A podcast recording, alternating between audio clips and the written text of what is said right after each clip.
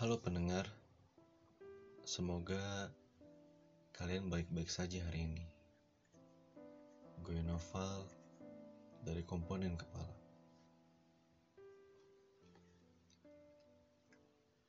Mungkin banyak orang di luar sana yang pernah merasakan rasa suka dengan orang lain, atau bahkan sampai sayang Entah itu karena dia dewasa, dia baik, dia pengertian, atau mungkin dia bikin kita nyaman.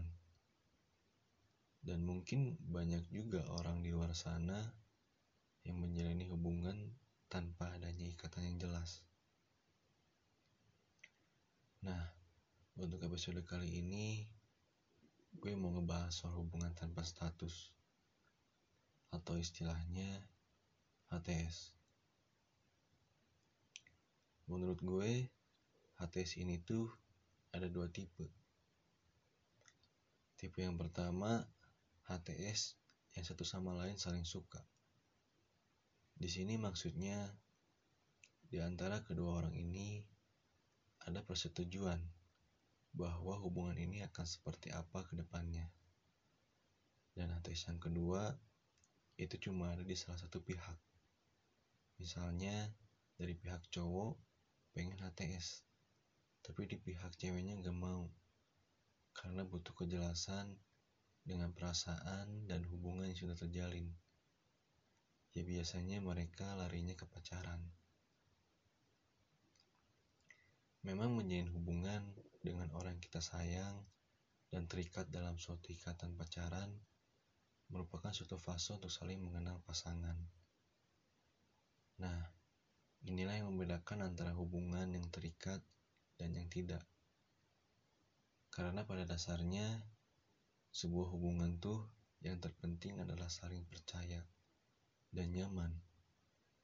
Karena stigma dari pacaran adalah putus di akhir. Menurut gue, hubungan tanpa status tuh bukan berarti takut untuk berkomitmen, tapi berusaha untuk tidak merasakan rasa sakit di akhir. Ya ini tergantung pemahaman setiap orang sih. Gimana memahami apa itu hubungan tanpa status yang menurut gue HTS ini juga punya sisi positif dan sisi negatif.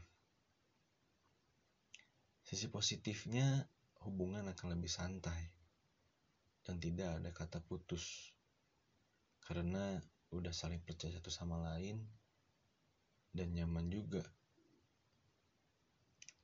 Dan negatifnya dia bisa menghilang kapan pun di mana pun. Karena posisi nyaman setiap orang tuh berbeda. Berikut pasti ada yang lebih nyaman dari yang nyaman. Iya gak sih? Ya gue juga gak munafik sih. Gue yang menjalin hubungan tanpa status harus bisa menerima konsekuensinya di akhir apa pun itu.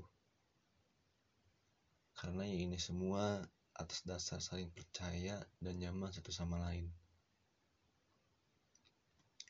Biasanya banyak yang memilih HTS itu karena mereka mempunyai sisi kelamnya. Hubungan dengan adanya ikatan pacaran di masa lalu. Makanya sekarang banyak yang HTS atau FWB. Terkadang gue suka menghargai keputusan orang-orang yang memilih HTS. Karena kita nggak tahu apa yang udah dia lalui di masa lalu sampai dia memutuskan untuk HTS dengan orang lain. Nah, masih banyak di luar sana yang menyikapi HTS ini tuh sebagai bad side-nya hubungan atau sisi negatifnya dari hubungan.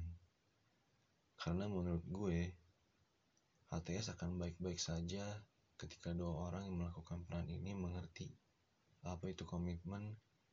Karena yang tadi gue bilang di awal ketika udah saling percaya dan nyaman ya kenapa enggak? Karena enggak melulu HTS tuh banyak sisi negatifnya tapi ada sisi positifnya. Mungkin sampai di sini gue bermonolog soal HTS Semoga kalian pendengar podcast ini bisa tahu sisi lain dari ATS. Terima kasih sebelumnya kepada para pendengar yang sudah meluangkan waktunya untuk mendengarkan podcast ini. Maaf sebelumnya, gue jadi jarang upload ini karena ada beberapa hal yang harus dikerjakan. Jadi baru kali ini ada waktu untuk bikin podcast lagi. Semoga kalian baik-baik saja hari ini. Gue Noval dari komponen kepala.